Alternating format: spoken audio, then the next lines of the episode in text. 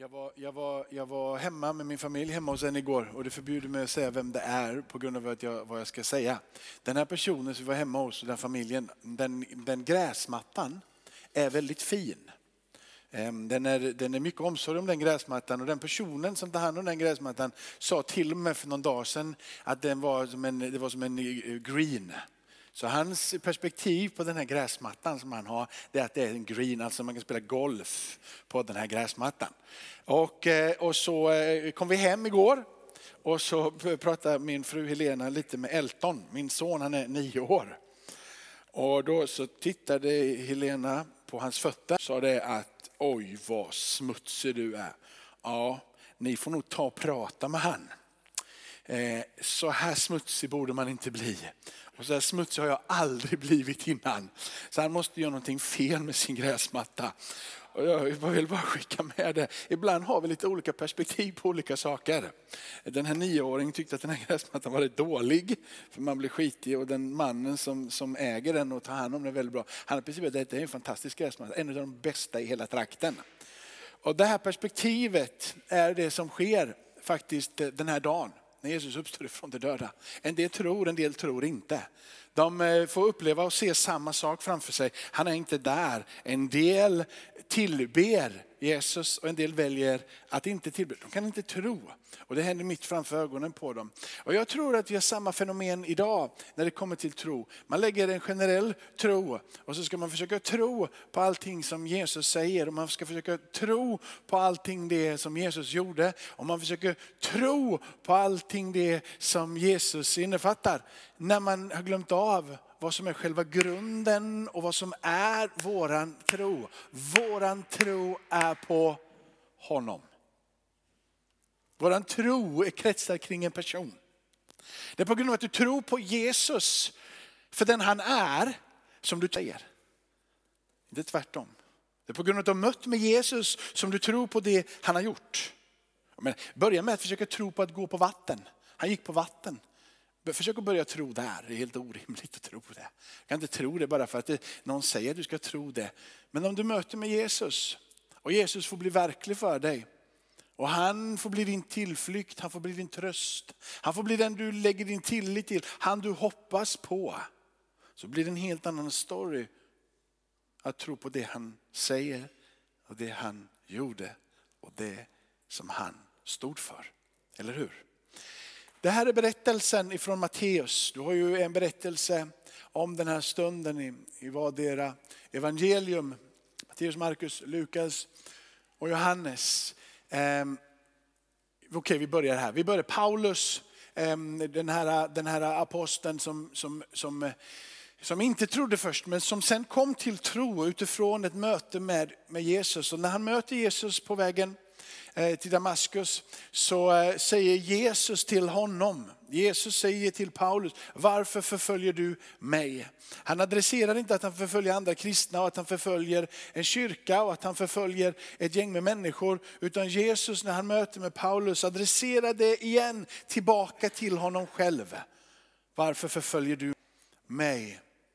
Paulus får sen tag på vem Jesus är, förvandlad av Jesus, gripen av honom. Och det liv som han levde innan och det han värdesatte och det han tyckte vara det som var det absolut viktigaste i livet, att hålla fast vid den judiska traditionen, att fortsätta att ha en position i samhället och ett inflytande. Och att, eh, och att eh, också då på det eh, vilja förgöra och döda så många kristna som möjligt. Byttes ut emot att bli en helt annan person där Jesus var i centrum. Och han säger att det som jag innan räknade som någonting av väsentligt och viktigt gör jag inte längre. Jag har bytt bort det mot någonting som är ännu högre. Den här Jesus som han har mött, personen Jesus.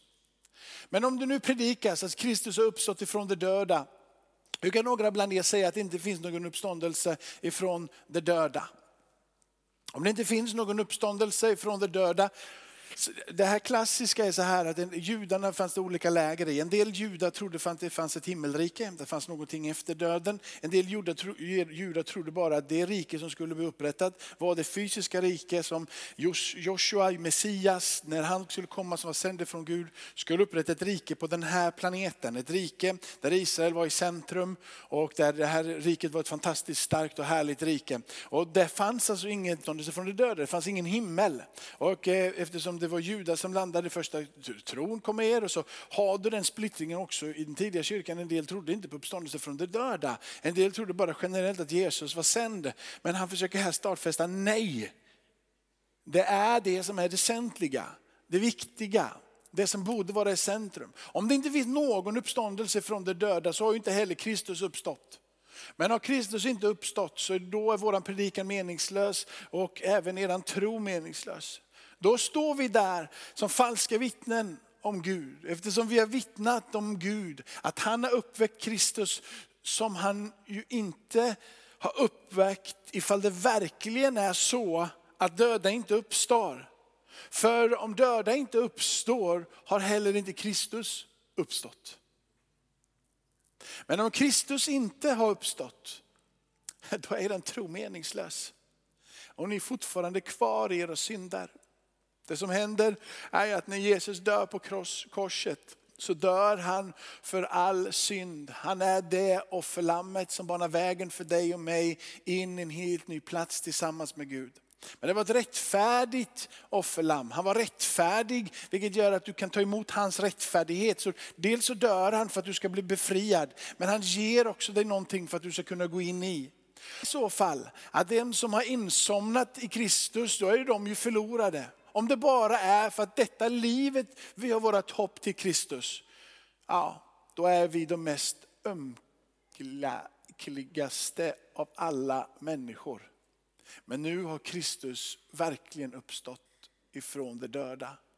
Som en förstling av de insomnade. Eftersom döden kom genom en människa kan också de dödas uppståndelse, kom också de dödas uppståndelse genom en enda människa, Jesus.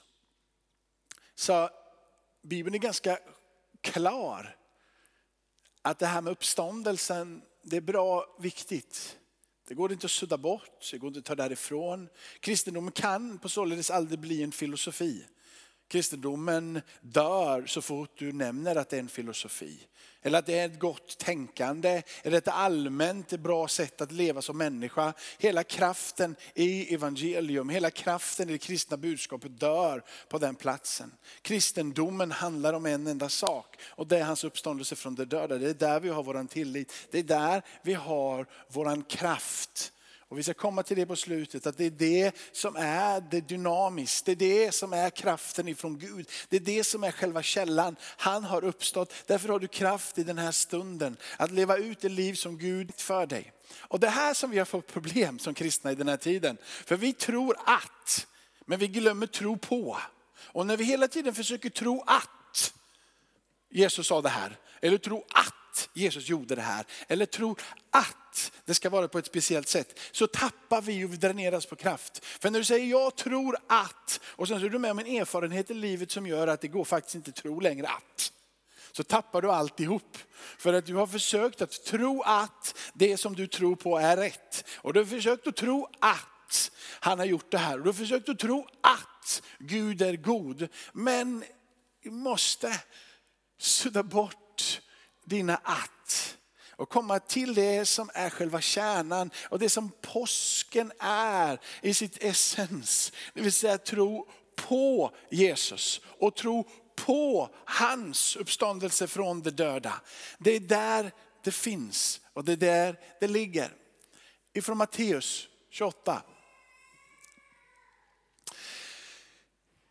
Efter sabbaten, i gryningen i första veckan, gick Maria Magdalena och de andra, den andra Maria för att se på graven. Då blev det en kraftig jordbävning. För en Herrens ängel kom ner från himmelen, gick fram och rullade bort stenen och satte sig på den. Hans gestalt var som blixten och hans kläder var vita som snö. Man skakade av, av skräck för honom och blev som döda. Men ängeln sade till kvinnorna, var inte rädda. Jag vet att ni söker Jesus, den korsfäste. Han är inte här. Han har uppstått som han har sagt. Kom och se platsen där han låg. Och gå genast och säg till hans lärjungar att han har uppstått från de döda. Se, han går före er till Galileen. Där ska ni få se honom. Nu har jag sagt det till er. De skyndade genast iväg från graven. Med bävan och stor glädje sprang de för att berätta det för hans lärjungar.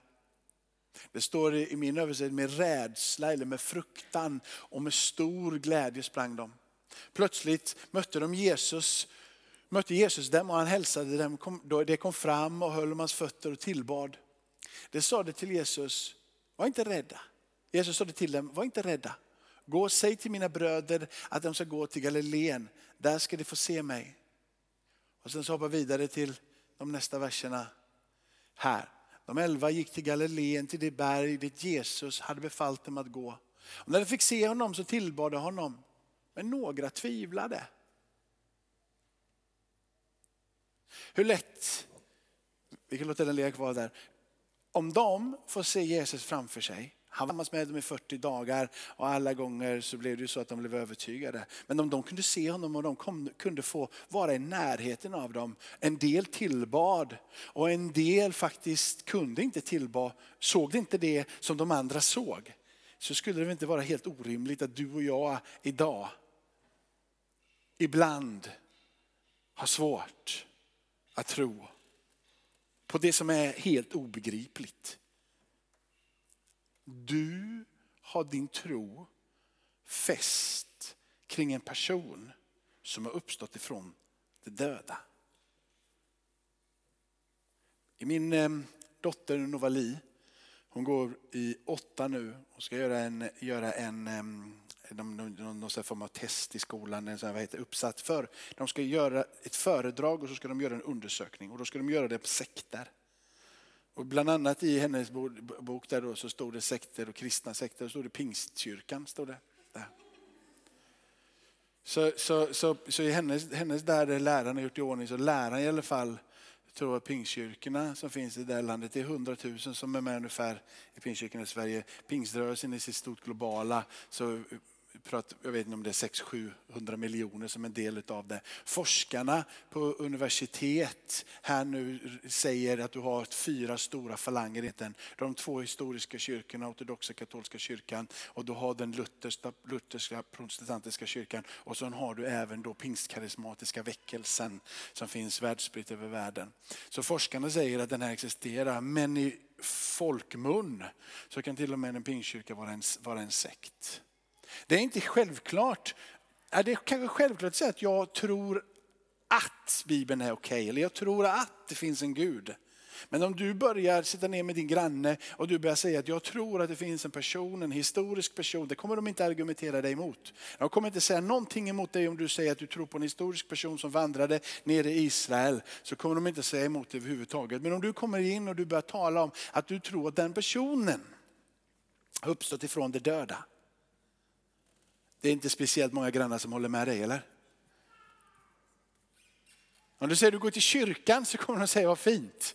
Om du säger att du hjälper hemlösa så kommer de säga att det är ännu finare.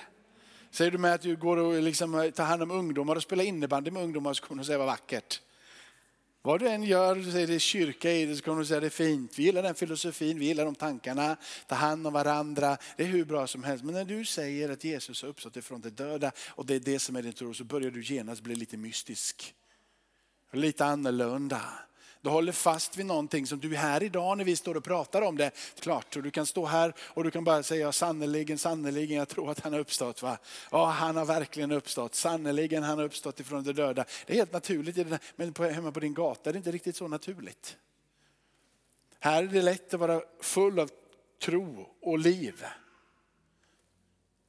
Jag tror vi många gånger glömmer av att du faktiskt ska få möta Gud på söndag för att på måndag kunna tro det du trodde på söndagen. Att du behöver söndagen och du behöver gemenskapen och du behöver mötet med personen Jesus för att också kunna tro att han har sagt det han har sagt och gjort det han har gjort. Om du fokuserar på allt det andra som du ska tro på så kommer du dräneras på kraft. Det kommer inte att finnas mycket kvar i din mun utav andetag och bekännelse. Om du ska stå där med din granne och du ska säga så vet jag, jag tror att han gick på vatten. Ja, ja, fint. Och så tror du på brödundret också. Ja, det gör jag. Och så ska du förklara det där brödundret så går du bet direkt. 5000 personer, ja, ja. Vad du än ska förklara utav änglar som kommer på besök eller jungfrufödseln eller vad den är. Du kommer fullständigt dräneras på kraft. För de kommer slå sönder dina argument rakt igenom om och om, om, om igen. Ingen som tror på de sägnerna, legenderna, hörsägnerna. Det är ingen som kommer att hålla med dig överhuvudtaget. Har du försökt någon gång att bara prata om de sakerna så kommer du känna att du går därifrån med så lite En del går därifrån och känner nu bekände jag i alla fall och jag var ändå frimodig. Och så, men, men när du lägger sig på kvällen och du tänker efter lite vad som har hänt så har all kraft gått ur dig. Men om du börjar med han som det handlar om. Och du går tillbaka till, tror du att han uppstod ifrån de döda? Tror du på Jesus? För det är Jesus som frälser dig. Att han gick på vattnet frälser dig inte. Att han gjorde brödundren frälser inte. Att han uppväckte Lazarus ifrån de döda, det frälser inte. Men det är ett tecken på att han är den han säger att han är. Det är ett tecken på att det finns uppståndelseliv i honom. Att han är över och aldrig någonsin under. Det är Jesus som är det centrala. Det är det påsken handlar om. Varje år så får vi dras tillbaka till korset. Vi får dras tillbaka till hans död, hans uppståndelse. Jesus säger att din tro, den ska upplevas. Varför? För du ska bli ett vittne. Du ska bli ett vittne om din erfarenhet av vem han är. Din erfarenhet av vem Jesus är och vad Jesus har gjort för dig. Det är det som är det befriande. När du ropar ut att han Jesus som du här sitter och säger att han inte har gjort det som jag tror att han har gjort. Jag tror inte och håller inte fast vid Jesus för att han gick på vatten där. Eller för att han gjorde bröd där. Eller för att han helade där den döve som fick hörsel. Den blinde som fick synen tillbaka. Den lame som kunde gå. Det är inte för att han gjorde de sakerna som med att tro på att han är den han är. För jag har mött med honom och när jag mötte med honom och jag fick uppleva vem han är så tror jag på det som han gjorde, det som han sa och det som de andra vittnena som finns nedskrivna säger. För jag har själv blivit ett vittne, jag har erfarit vem han är. Amen. Amen. Vet du, det finns en generell tro som inte hjälper någonstans. Det finns en generell tro som inte frälser. Det finns en generell tro som inte skapar det livet som är menat att bli skapat i dig genom mötet med honom. Jakob säger till och med så här, Jakob för övrigt som har skrivit Jakobs brev som var ledare i Jerusalem. Jakob trodde att Jesus var knäpp i huvudet. Jakob är alltså Jesu bror. Familjen, när Jesus kommer till Nasaret i Galileen, när han kommer hem i Matteus 13 och han kommer in i synagogan, han sitter och samtalar om dem och läser från skrifterna med dem och han försöker tala om, så tror de inte. Staden tror inte, familjen tror inte. Och de adresserar honom som något annorlunda. Inte så konstigt, Jakob och de andra i familjen runt omkring hade sett att springa omkring och leka som dem. Hade sett att han hade kanske till och med busat lite. Man vet inte så mycket va, om den tiden. Han var trots allt alltid rättfärdig, det vet vi. Gjorde allting utan synd. Han sprang omkring där. Jakob lite, lite irriterad på sin bror alla gånger. Kanske till och med lika irriterad som Josef bröder i gamla testamentet som blev så irriterade på sin bror Josef. Han tyckte på något sätt att de här drömmarna skulle göra honom mer. Och, han, liksom, och bröderna bara, vi inte har, jag tänker mig på samma sätt här. Jag känner också igen mig i Jakob mot min egen bror. Jag retade ihjäl mig på Paul, min bror. Men om du retar dig på Paul så brukar jag försöka försvara Paul. Men i det här sammanhanget så är både både staden eller byn emot Jesus, hans egen familj emot Jesus. Ingen vill ta emot honom. Och Jakobs bror säger, I don't believe in you. Jag gillar inte dig, jag tror inte på dig. Du är helt annorlunda. Den Jakob, när han får möta med den uppståndne Jesus blir fullständigt förvandlad. Han som inte kunde tro, kanske inte ens ville tro och blev irriterad och arg, är nu en som tror. Mötet med den uppståndne Jesus förvandlar och förändrar allt. Det går att tro på Jesus och bli förvandlad av hans kärlek och närvaro utan att du ser det du hade hoppats se tillsammans med honom. I vår familj till exempel, så, som jag sagt flera söndagar här, finns det ganska mycket sjukdom. Man hoppas bara Gud grip in, gör ditt ingripande. Kommer aldrig sluta att be för att vi ska få se det, se det hända. Då Gud kommer med sin hand och Gud griper in. Men även om Gud inte griper in i mitt liv och i vår familj så har jag ett möte med Jesus som gör att jag litar på honom och att jag är trygg med honom. Att jag håller fast vid honom trots att det ibland känns ganska mörkt och vilsen. Så håller jag fast vid honom för jag har mött med honom. Och när jag har mött med honom, inte med det han sa, är ni med mig? Inte med det han gjorde, inte med det han försökte förmedla, utan jag håller fast vid honom. Så finns det en som tar mig igenom. Jag behöver inte tro på det där helandet, men jag behöver tro på honom. Och få kraften att ta mig igenom passaget i livet. Sträcka mig efter honom och när jag möter med honom, de här, här i den här berättelsen var det några som tillbad honom och några andra som tvivlade.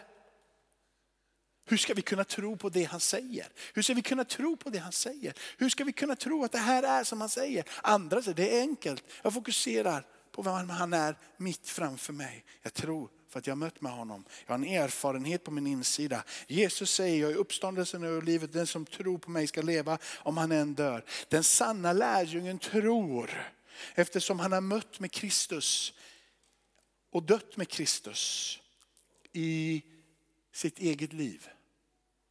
Jag har mötet med honom. Och jag har dött med honom. Och jag har uppstått med honom. Den sanna lärjungen lever från den platsen. Hur lång en resan tar innan jag kommer från A till B så håller jag fast vid honom.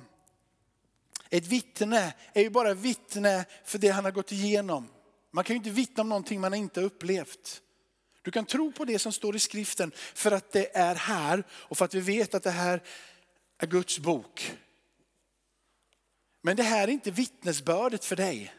Vittnesbördet är att du och jag tillsammans med dem som är här i oss som är här säger att han har dött och han har uppstått i mitt liv. När min granne kommer till mig och säger du får tycka vad du vill om det här, men jag har dött och jag har uppstått med Kristus. Jag tror på att det faktiskt fanns en verklig person som levde för 2000 år sedan. Som dog och som uppstod. Och jag har mött med honom. Det är där jag får när jag får med. Men hur kan du tro på att gå på vatten? Jag vet inte. Men jag tror att han har uppstått för jag har mött med honom. Och då kan jag frimodigt säga jag tror på det. Men jag tror inte på det först, utan jag tror på det efter. Jag tror på det här. Och tro på det här, att Jesus är den han säger att han är. Det måste Gud själv öppna ditt hjärta och dina ögon och du måste få möta med honom. Då är det han du står på. Du tror inte att, utan du tror på honom. Den kärlek som strömmar ifrån korset och den kärlek som strömmar ifrån det sanna vittnet gör att du låter inte som du berättar sagor eller låter som du berättar hösägner, Utan det låter som att du gjort ett möte.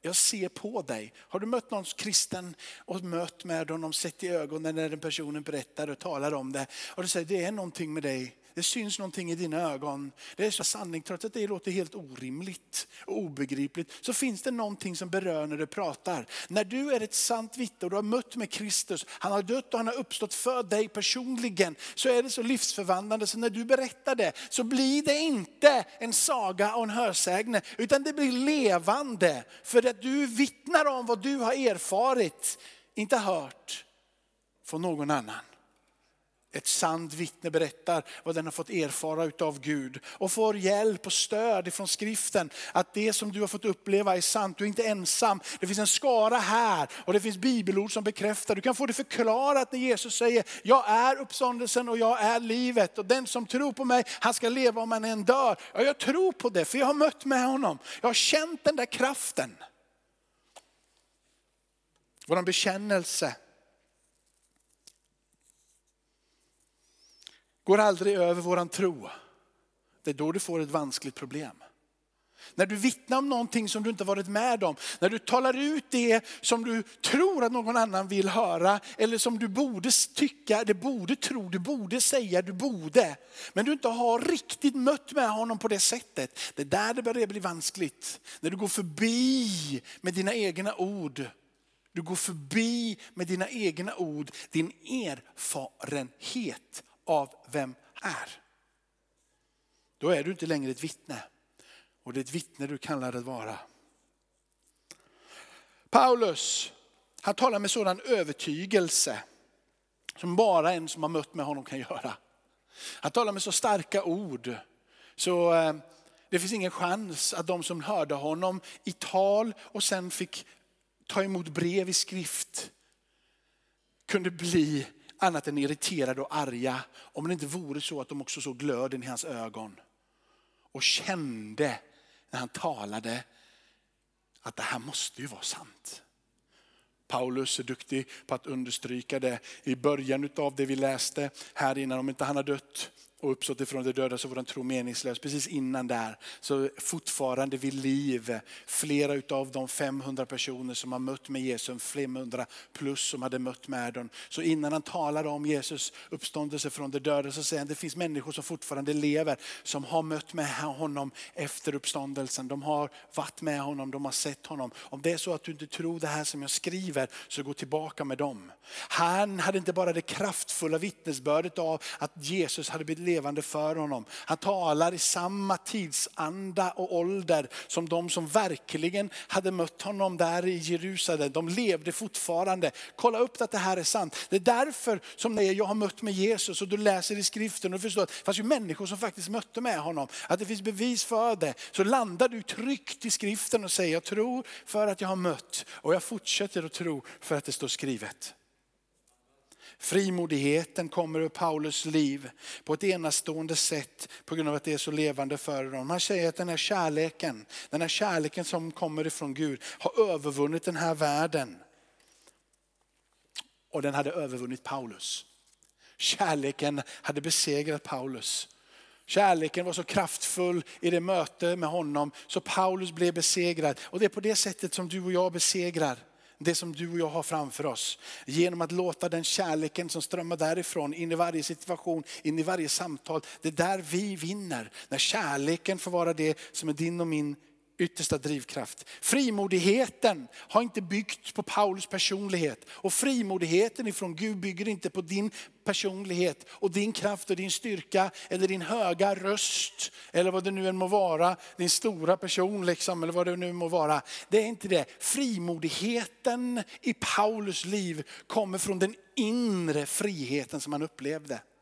Mötet med Paulus gjorde han befriad ifrån status, position. Han tänkte inte längre på vem han var i det samhället som han levde. Han brydde sig inte längre om vad han hade, vilken bil han körde, vilka vänner han hade. Han brydde sig inte längre om vilket piano han spelade på. Han brydde sig inte längre om vilken kyrka han tjänade i. Han brydde sig inte längre sig om om han satt på första bänken eller sista bänken. Han brydde sig inte längre om om han bodde i Sverige eller i Afrika. Han brydde sig inte längre om om han var romare som han var eller om han var jude som han var. Han sa att jag är allt för alla för jag har erfarit en frid på insidan som inte finns i den här världen. Därifrån får Paulus sin frimodighet. Han lutar sig inte på de yttre tingen. Han lutar sig på den inre övertygelsen. Paulus tittar inte på vad det som sker. Paulus styrs aldrig och en sann lärjunge med det sanna vittnesmålet, vittnesbördet om vem han har. Han styrs inte av omgivningen, han styrs inte av förväntningar, han styrs inte av fördomar. Han styrs inte och tas inte av någonting som är yttre in i ett fängelse. Han har en inre frid som gör han omöjlig att låsa och hindra. Den här frimodiga vittnesbördet, den här frimodiga lärjungen, det sanna vittnet till den sanna guden, är en lärjunge som inte pratar om kull sin eh, motpart. Övertygar inte med ord, utan vinner och besegrar som han själv har blivit besegrad med kärleken.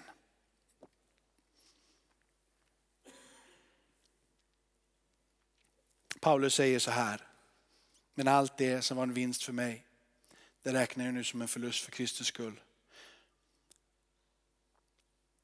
För att lära känna Kristus, för att få uppleva och få leva i den kraften som kommer från hans uppståndelse. Det är vad jag har för mina ögon, säger Paulus. I Efesierbrevet står det så här. Paulus som ber. Han, ehm, han förstår att det här med att få upp ögonen för det här mötet med Jesus, mötet med den sanna Jesus, vittnesbördet som är livsförvandlande, där den inre friden är så stark att du inte längre lutar dig på de yttre omständigheterna. Att du inte tittar på det som är runt omkring utan du blir fri här inne. Paulus har förstått det. Paulus har lutat sig mot det och Paulus är befriad. Så här står det i Fesebrevet 1, vers 17-20. Så därför så ber jag. Jag ber att vår Herre Jesu Kristi Gud, härlighetens far, ska ge er visheten och uppenbarelsens ande så att ni får rätt kunskap om honom. Jag ber. Som om att hela Paulus tro ligger baserat på att anden ska uppenbara. Att det är Gud som måste göra det här. Innan jag väljer att säga ett enda ord, innan jag väljer att understryka allting som jag skulle kunna göra, innan jag kan komma med de yttre bevisen av den tomma graven och vittnesbördet ifrån människorna, innan jag lutar mig på att förklara vad det är som sker mitt ibland oss. Innan så vill jag be för er. För tyngden och kraften och övertygelsen ligger baserat på ett andens verk på din och min insida. Jag ber att era hjärtans ögon ska få ljus så att ni förstår vilket hopp han har kallat er till och hur rikt och härligt hans arv är bland de heliga. Och så säger han, och hur oerhört stor hans makt är i oss som tror. Därför att hans väldiga kraft har varit verksam. Den kraften lät han verka i Kristus när han uppväckte honom från de döda och satte honom på sin högra sida. Han säger helt enkelt att samma kraft, den kraften verkar nu i er. Och så många gånger som du och jag som kristna läser och hamnar i mellanstycket. Hans makt i oss Hans väldiga kraft är verksam. Och så försöker vi predika ett uppmuntrande ord till församlingen. Stå här och bara, han ska i den här stunden i ditt liv. Försöker lägga en sån, liksom så man, oj nu vågar jag be för den sjuke. Nu, ja men idag känner jag, nu kan jag slå mig loss ifrån mina bojor. Nu, idag ska jag minsann ta tag i det här. För den där kraften den vill jag ha tag på. Den där kraften den kommer förvandla hela mitt liv. Den där kraften kommer att göra det. Och det är sant att den kraften gör det. Men Paulus börjar inte med att introducera dig för kraften. Han introducerar dig först för att dina ögon ska öppna sig för vem han är. Så att ni ska få rätt kunskap om honom. Jag ber att det här som har med Gud att göra, det här som har med vem han är, vad han har gjort, hur rikt det här livet är, vad han har kallat er in i. Att det där är hoppet. Det fokuserar till vem han är. Det fokuserar till vad det är han har gjort. Vad han liksom lägger i dig och mig. Det fokuserar till vad han har att erbjuda. Vad han lägger, vad du är inför honom. Allting är liksom kretsar kring han som person och hur han ser på dig. Och när du fångar upp vem han är och hur han ser på dig så säger Paulus så här, på grund av att han är den han är och på grund av att han ser på dig med milda ögon och att han älskar dig. Vet du det, den kristna personen, det sanna vittnet, tror inte på karma. Det vill säga att du gör goda handlingar i det här livet så får du goda handlingar. Ju bättre handlingar du gör här så kommer du till en bättre plats efter. Tro inte på att du gör goda handlingar här så kommer goda handlingar till dig. En kristen person, ett sant vittne till Jesus tror inte på karma. En sann vittne till Jesus tror på nåd. Amen. Du har inte gjort någonting. Och du kan inte göra någonting för att få ta emot det som han är och det som han gör. Så hur mycket du än tänker nu ska jag bli en bättre människa, då kan jag bli helad. Så kommer du aldrig bli helad för att du blir en bättre människa. Hur mycket du än säger nu ska jag fasta och be ännu mer så kommer, jag, kommer hela världen att bli frälst och förvandlad. Så kommer de inte bli det för det kretsar inte kring vad du och jag kan prestera. Utan vad det är han ger i sin nåd. Hade det varit så att du och jag kunde fasta och be så hela världen blev förvandlad på ett enda sekund. Så hade vi trott att vi förtjänade och att det skedde för att vi gör det. Men det betyder ju inte att vi inte ska fasta och be. Att vi inte ska försöka söka hans vilja och förstå vem han är. Att vi inte ska be för de som är runt omkring oss. Eller inte försöka göra det som han gjorde. Tala om det som han sa, lära ut det han gjorde. Det är klart att vi ska göra allting det, men du ska göra det i en rätt ordning med honom. Och då säger han att när du får rätt ordning på det här så ber jag. Jag ber att hans oerhört stora makt den som pulserar i dig, den som är verksam i dig. Att du ska få ännu mer förstå den här kraften som han lät verka i Kristus när han uppväcktes ifrån de döda och satte honom på sin högra sida. Att du skulle få leva i den kraften. Det sanna vittnet går alltid tillbaka till vem Kristus är. Om och om igen så är det från honom som det strömmar utav levande vatten. Ja, liv i överflöd. Om de som mötte med honom den här dagen, som hade svårt att tro. Och därför han som person stod kvar och rörde vid dem så att de skulle kunna tro.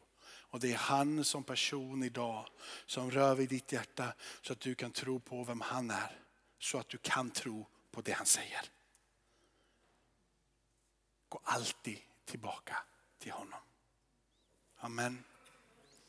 Tackar dig Fader i himmelen att vi får vara i ditt hus, att vi får tala ut ditt ord, att vi alltid får göra dig till centrum Herre. Göra dig till centrum som det som, det som vi försöker tro på så där krampaktigt att vi fick släppa det. Komma tillbaka till det sanna vittnet, erfarenheten, mötet och tala utifrån liv som du är och du ger. Och vi ber Herre att i våra ögon skulle få öppnas så att vi får rätt kunskap och insikt om vem du är. Så som Paulus bad. Det är vad vi behöver. Vi har mött med dig så vi tror att du är uppstånden. Vi vill möta med dig igen så att vi kan tro på allting det du säger. Tack för att du är här. En sista tanke när du sitter och vi går in i förbönen.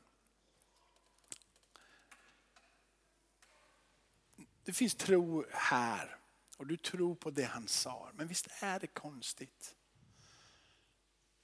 För mig är det oerhört märkligt att det ibland kan vara så svårt att tro i en situation när jag faktiskt tror att han har uppstått ifrån de döda. Det är så märkligt att det är lättare att tro, om du frågar mig alla dagar i veckan, du väcker mig mitt i natten, tror du att Jesus uppstått ifrån de döda? Jag skulle svara sju dagar i veckan jag tror att han har uppstått. Om du frågar mig, tror du att hans kraft verkar i ditt liv? Jag tror det. Men visst är det märkligt att det är så svårt att tro på det Jesus säger. Och leva ut det i alla avseenden. Du och jag vill fasta tillbaka där Jesus säger att vi ska älska våra fiender. bara, det där är svårt. Och Jesus ändå säger det.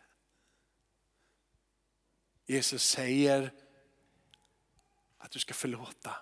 Och det är så svårt att förlåta.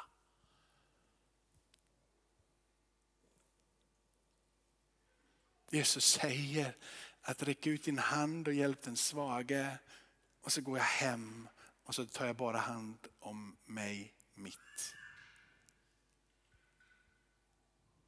Vi säger det lättvindigt. Men det är så svårt att tro på.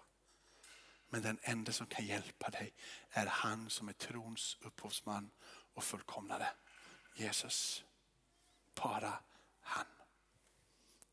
Amen. Ska vi be att vi får ett möte med honom. Möt med oss den här stunden när vi sjunger sången. Möt med oss Jesus. Vi behöver ett möte med dig. Öppna mina och mina vänners ögon.